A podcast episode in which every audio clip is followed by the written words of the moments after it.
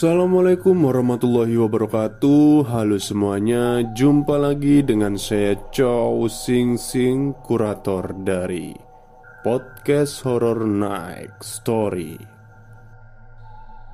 Oke apa kabarnya semua? Semoga kalian semua pada sehat ya. Dan malam ini sebelum saya mulai bercerita saya mohon maaf kepada Mas Isro Aldinu yang sudah mengirimkan cerita ini yang akan saya ceritakan malam ini. Ini sebenarnya kirimannya udah lama, cuman saya baru sempet uh, ya rekaman terus ngedit-ngeditnya itu baru hari ini gitu. Ya biasalah pekerjaan. Oke, tidak usah berlama-lama Langsung saja kita ke ceritanya. Selamat malam admin podcast Horror Next Story. Sebelumnya perkenalkan nama saya Aldi. Saya berasal dari Bogor. Usia saya masih 18 tahun dan penonton setia podcast Horror Next Story via YouTube. Oke, Bang. Di sini saya memberanikan diri untuk sekedar mereplay ulang kejadian yang saya alami pada bulan Juni 2020 ini. Kejadian ini real terjadi pada diri saya dan apa yang bakal saya ceritakan ini tidak saya lebih-lebihkan apalagi saya kurang-kurangkan. Jadi begini ceritanya.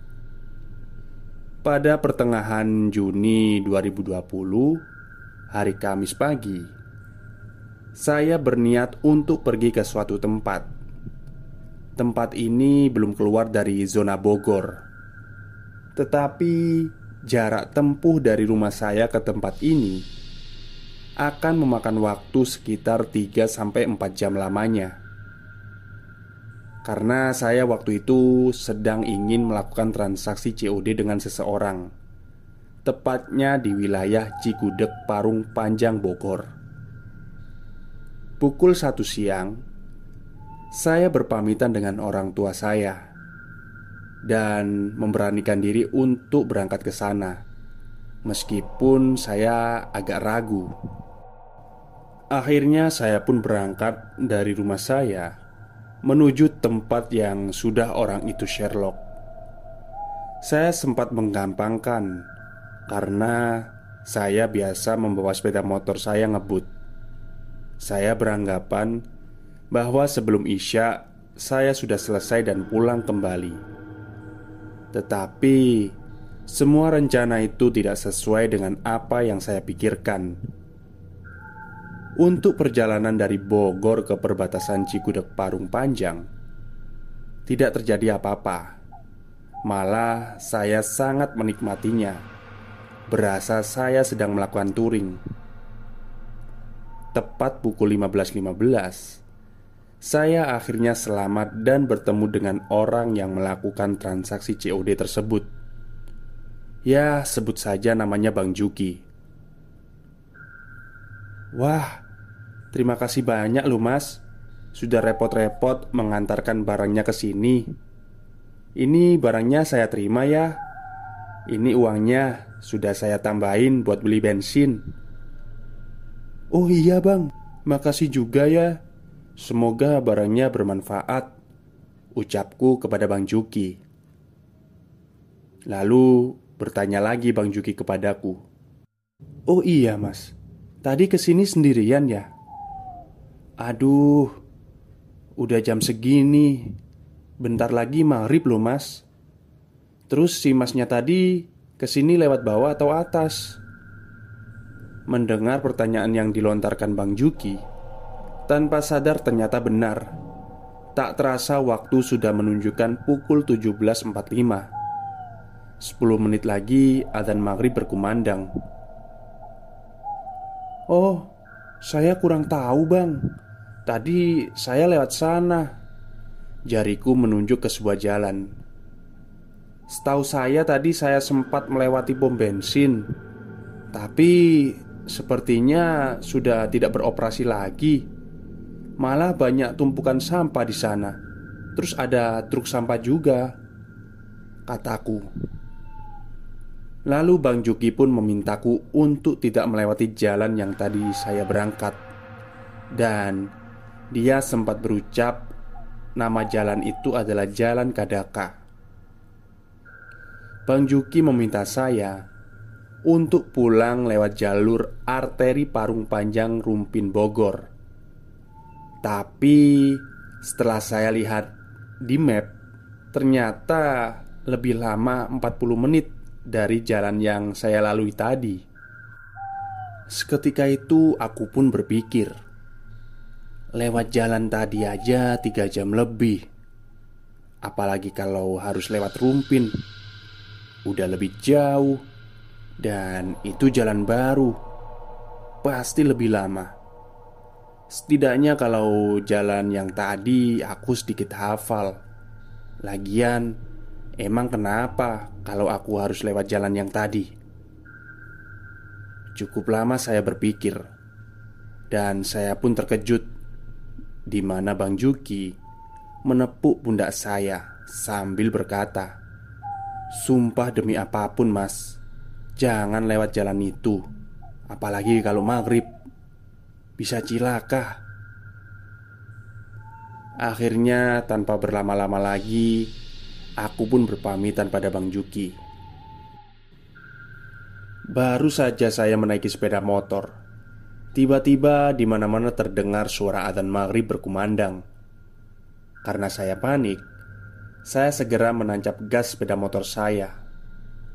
Dan di sinilah peristiwa yang gak bakal saya lupakan.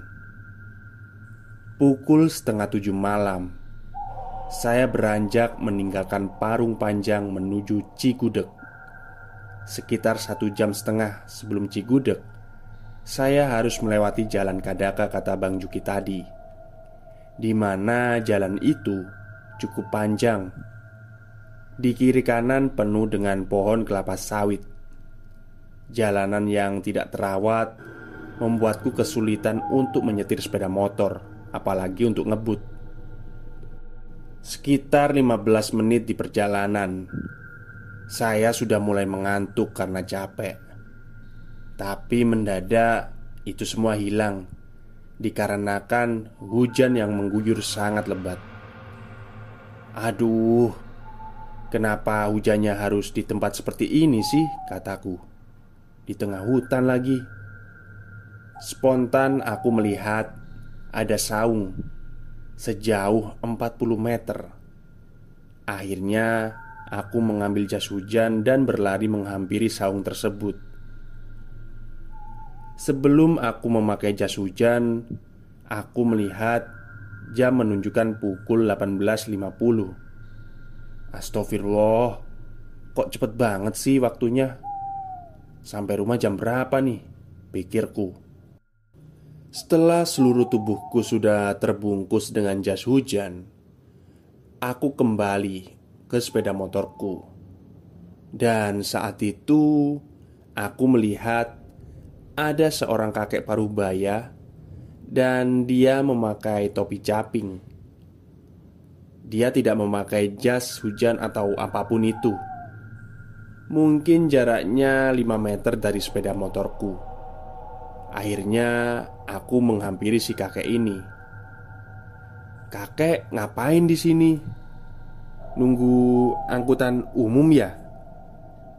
Hujannya lebat loh kek Si kakek itu hanya diam saja Dia tidak berkata sepatah kata pun Rumah kakek di mana?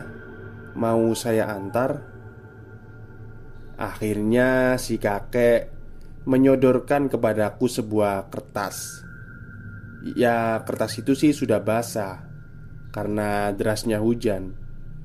Pas saya buka kertasnya, terdapat gambar pom bensin tua yang nanti bakal saya lalui. Oh, ke situ ya, kek. Ayo saya antar. Kebetulan kita satu jalur.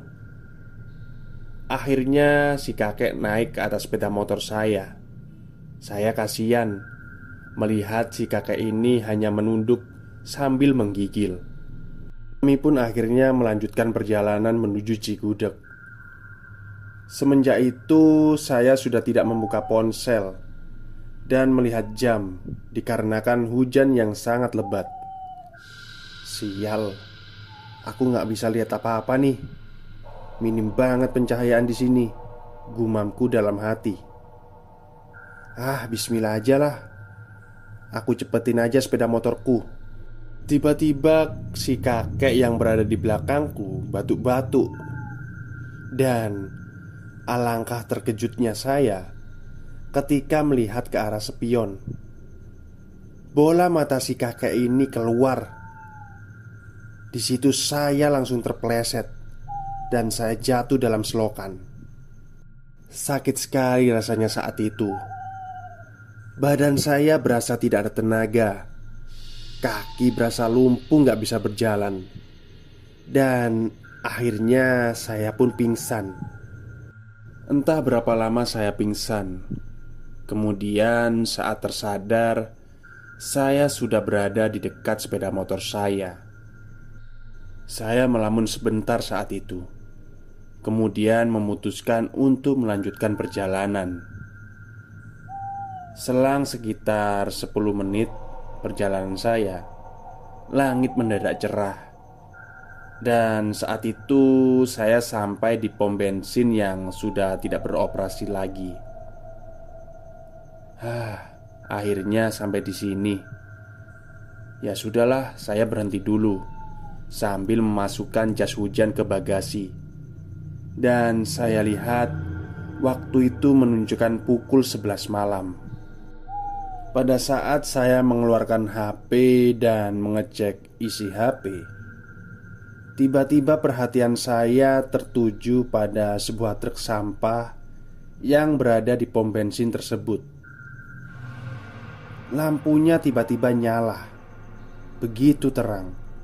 Padahal, kalau saya lihat, truk ini sudah lama tidak digunakan. Saya lihat lebih fokus lagi dan ternyata di dalam truk itu tidak ada siapa-siapa. Akhirnya saat itu saya memutuskan untuk pergi dari tempat itu. Tapi karena penasaran, aku samperin tuh truk. Dan aku melihat di boxnya itu ada seperti cairan. Aku kira itu cairan sampah, tapi kok kental. Cairan itu berjatuhan ke bawah Dan saat aku berbalik badan Sungguh apesnya diriku. Malam itu adalah malam Jumat. Aku dihadapkan dengan sosok kepala pocong Yang ada di bawah ban truk. Jadi ada kain kafan putihnya. Di lubang hidungnya ada kapas dan mukanya seperti meleleh. Di situ aku langsung lari ke motorku dan meninggalkan tempat tersebut. Tapi itu bukanlah akhir dari teror ini. Teror ini kembali muncul saat aku melewati perkebunan kelapa sawit. Ya, sebenarnya hanya tinggal 40 menit lagi aku sampai di jalan besar Cikudek. Dan kalian tahu apa yang menerorku saat itu? Saat aku mengemudi sepeda motor, dari kejauhan terlihat seorang kakek-kakek yang tadi aku bonceng. Dia berada di pinggir jalan. Seketika itu, aku langsung tancap gas. Setelah melewati kakek-kakek tua itu, kira-kira jarak 10 meter, motorku mati. Aduh, Bingung banget saat itu. Aku langsung turun dan memeriksa sepeda motorku. Barangkali saja bensinnya habis. Tiba-tiba muncul sesosok anak kecil, bersih dan wajahnya pucat. Dia menghampiriku. Kemudian dia memberiku tasbih. Saya tidak tahu maksudnya apa, tapi dia berkata, Jangan putus asa dan tetap berdoa. katanya. Kemudian aku pun berdiri dan mengelus kepalanya. Saat aku ingin mengelus kepalanya, tiba-tiba dia berlari dan menghampiri dua sosok pocong yang tidak aku ketahui kapan datangnya. Aku hanya bengong saat itu.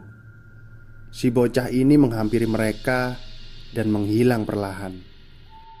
Setelah melihat kejadian itu, aku langsung menaiki sepeda motorku. Dan aku lihat jam di tanganku menunjukkan 2.40 Akhirnya saya melanjutkan perjalanan. Ada sekitar 20 menit tidak ada peristiwa lagi. Dan keluarlah saya dari jalan Kadaka itu Yang ditandai batu besar seperti batu raksasa gitu. Tapi bukan tumpukan batu loh ya Ini hanya satu batu tapi besar.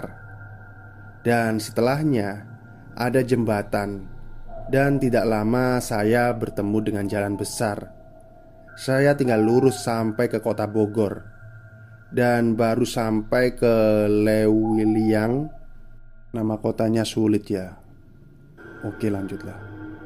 Setelah sampai ke Lewiliang Ternyata azan subuh berkumandang Aku pun minggir untuk menunaikan sholat subuh Sambil memikirkan kembali kejadian itu.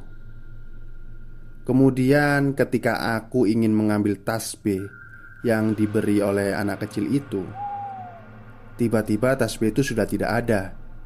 Hilang entah ke mana Entah jatuh atau gimana di jalan tadi. Dan akhirnya saya lanjut terus Bablas sampai rumah Tepat pukul 4.45 Saya tiba di rumah Itulah kisah nyata yang saya alami dan saya berani sumpah bahwa saya tidak mempunyai kemampuan melihat hal gaib atau apa pun itu. Ya, mungkin itu adalah hari sial saya, dan saya nggak bisa menyimpulkan kata-kata yang tepat untuk peristiwa ini. Oke, terima kasih kepada admin kurator podcast Horror Next Story yang sudah membacakan kisah saya ini. Sukses terus untuk para tim dan semoga diberikan kesehatan oleh Allah Subhanahu wa taala. Amin amin. Pesan saya jangan pernah meremehkan sesuatu yang sunyi. Dengarlah jika diberitahu. Jika kalian menantang dan tidak mendengarkannya, maka siap-siaplah kalian akan diuji oleh sesuatu yang di luar nalar. Oke, terima kasih kepada Mas Isro Aldino yang sudah menyumbangkan ceritanya pada channel podcast Horror Next Story. Mungkin bagi sebagian pendengar ceritanya agak mumet. Tapi alurnya jelas kan, sudah tahu semua kan alurnya seperti itu. Karena sudah saya edit sedikit lah. Baik itu saja yang bisa saya sampaikan pada malam hari ini. Semoga kalian terhibur.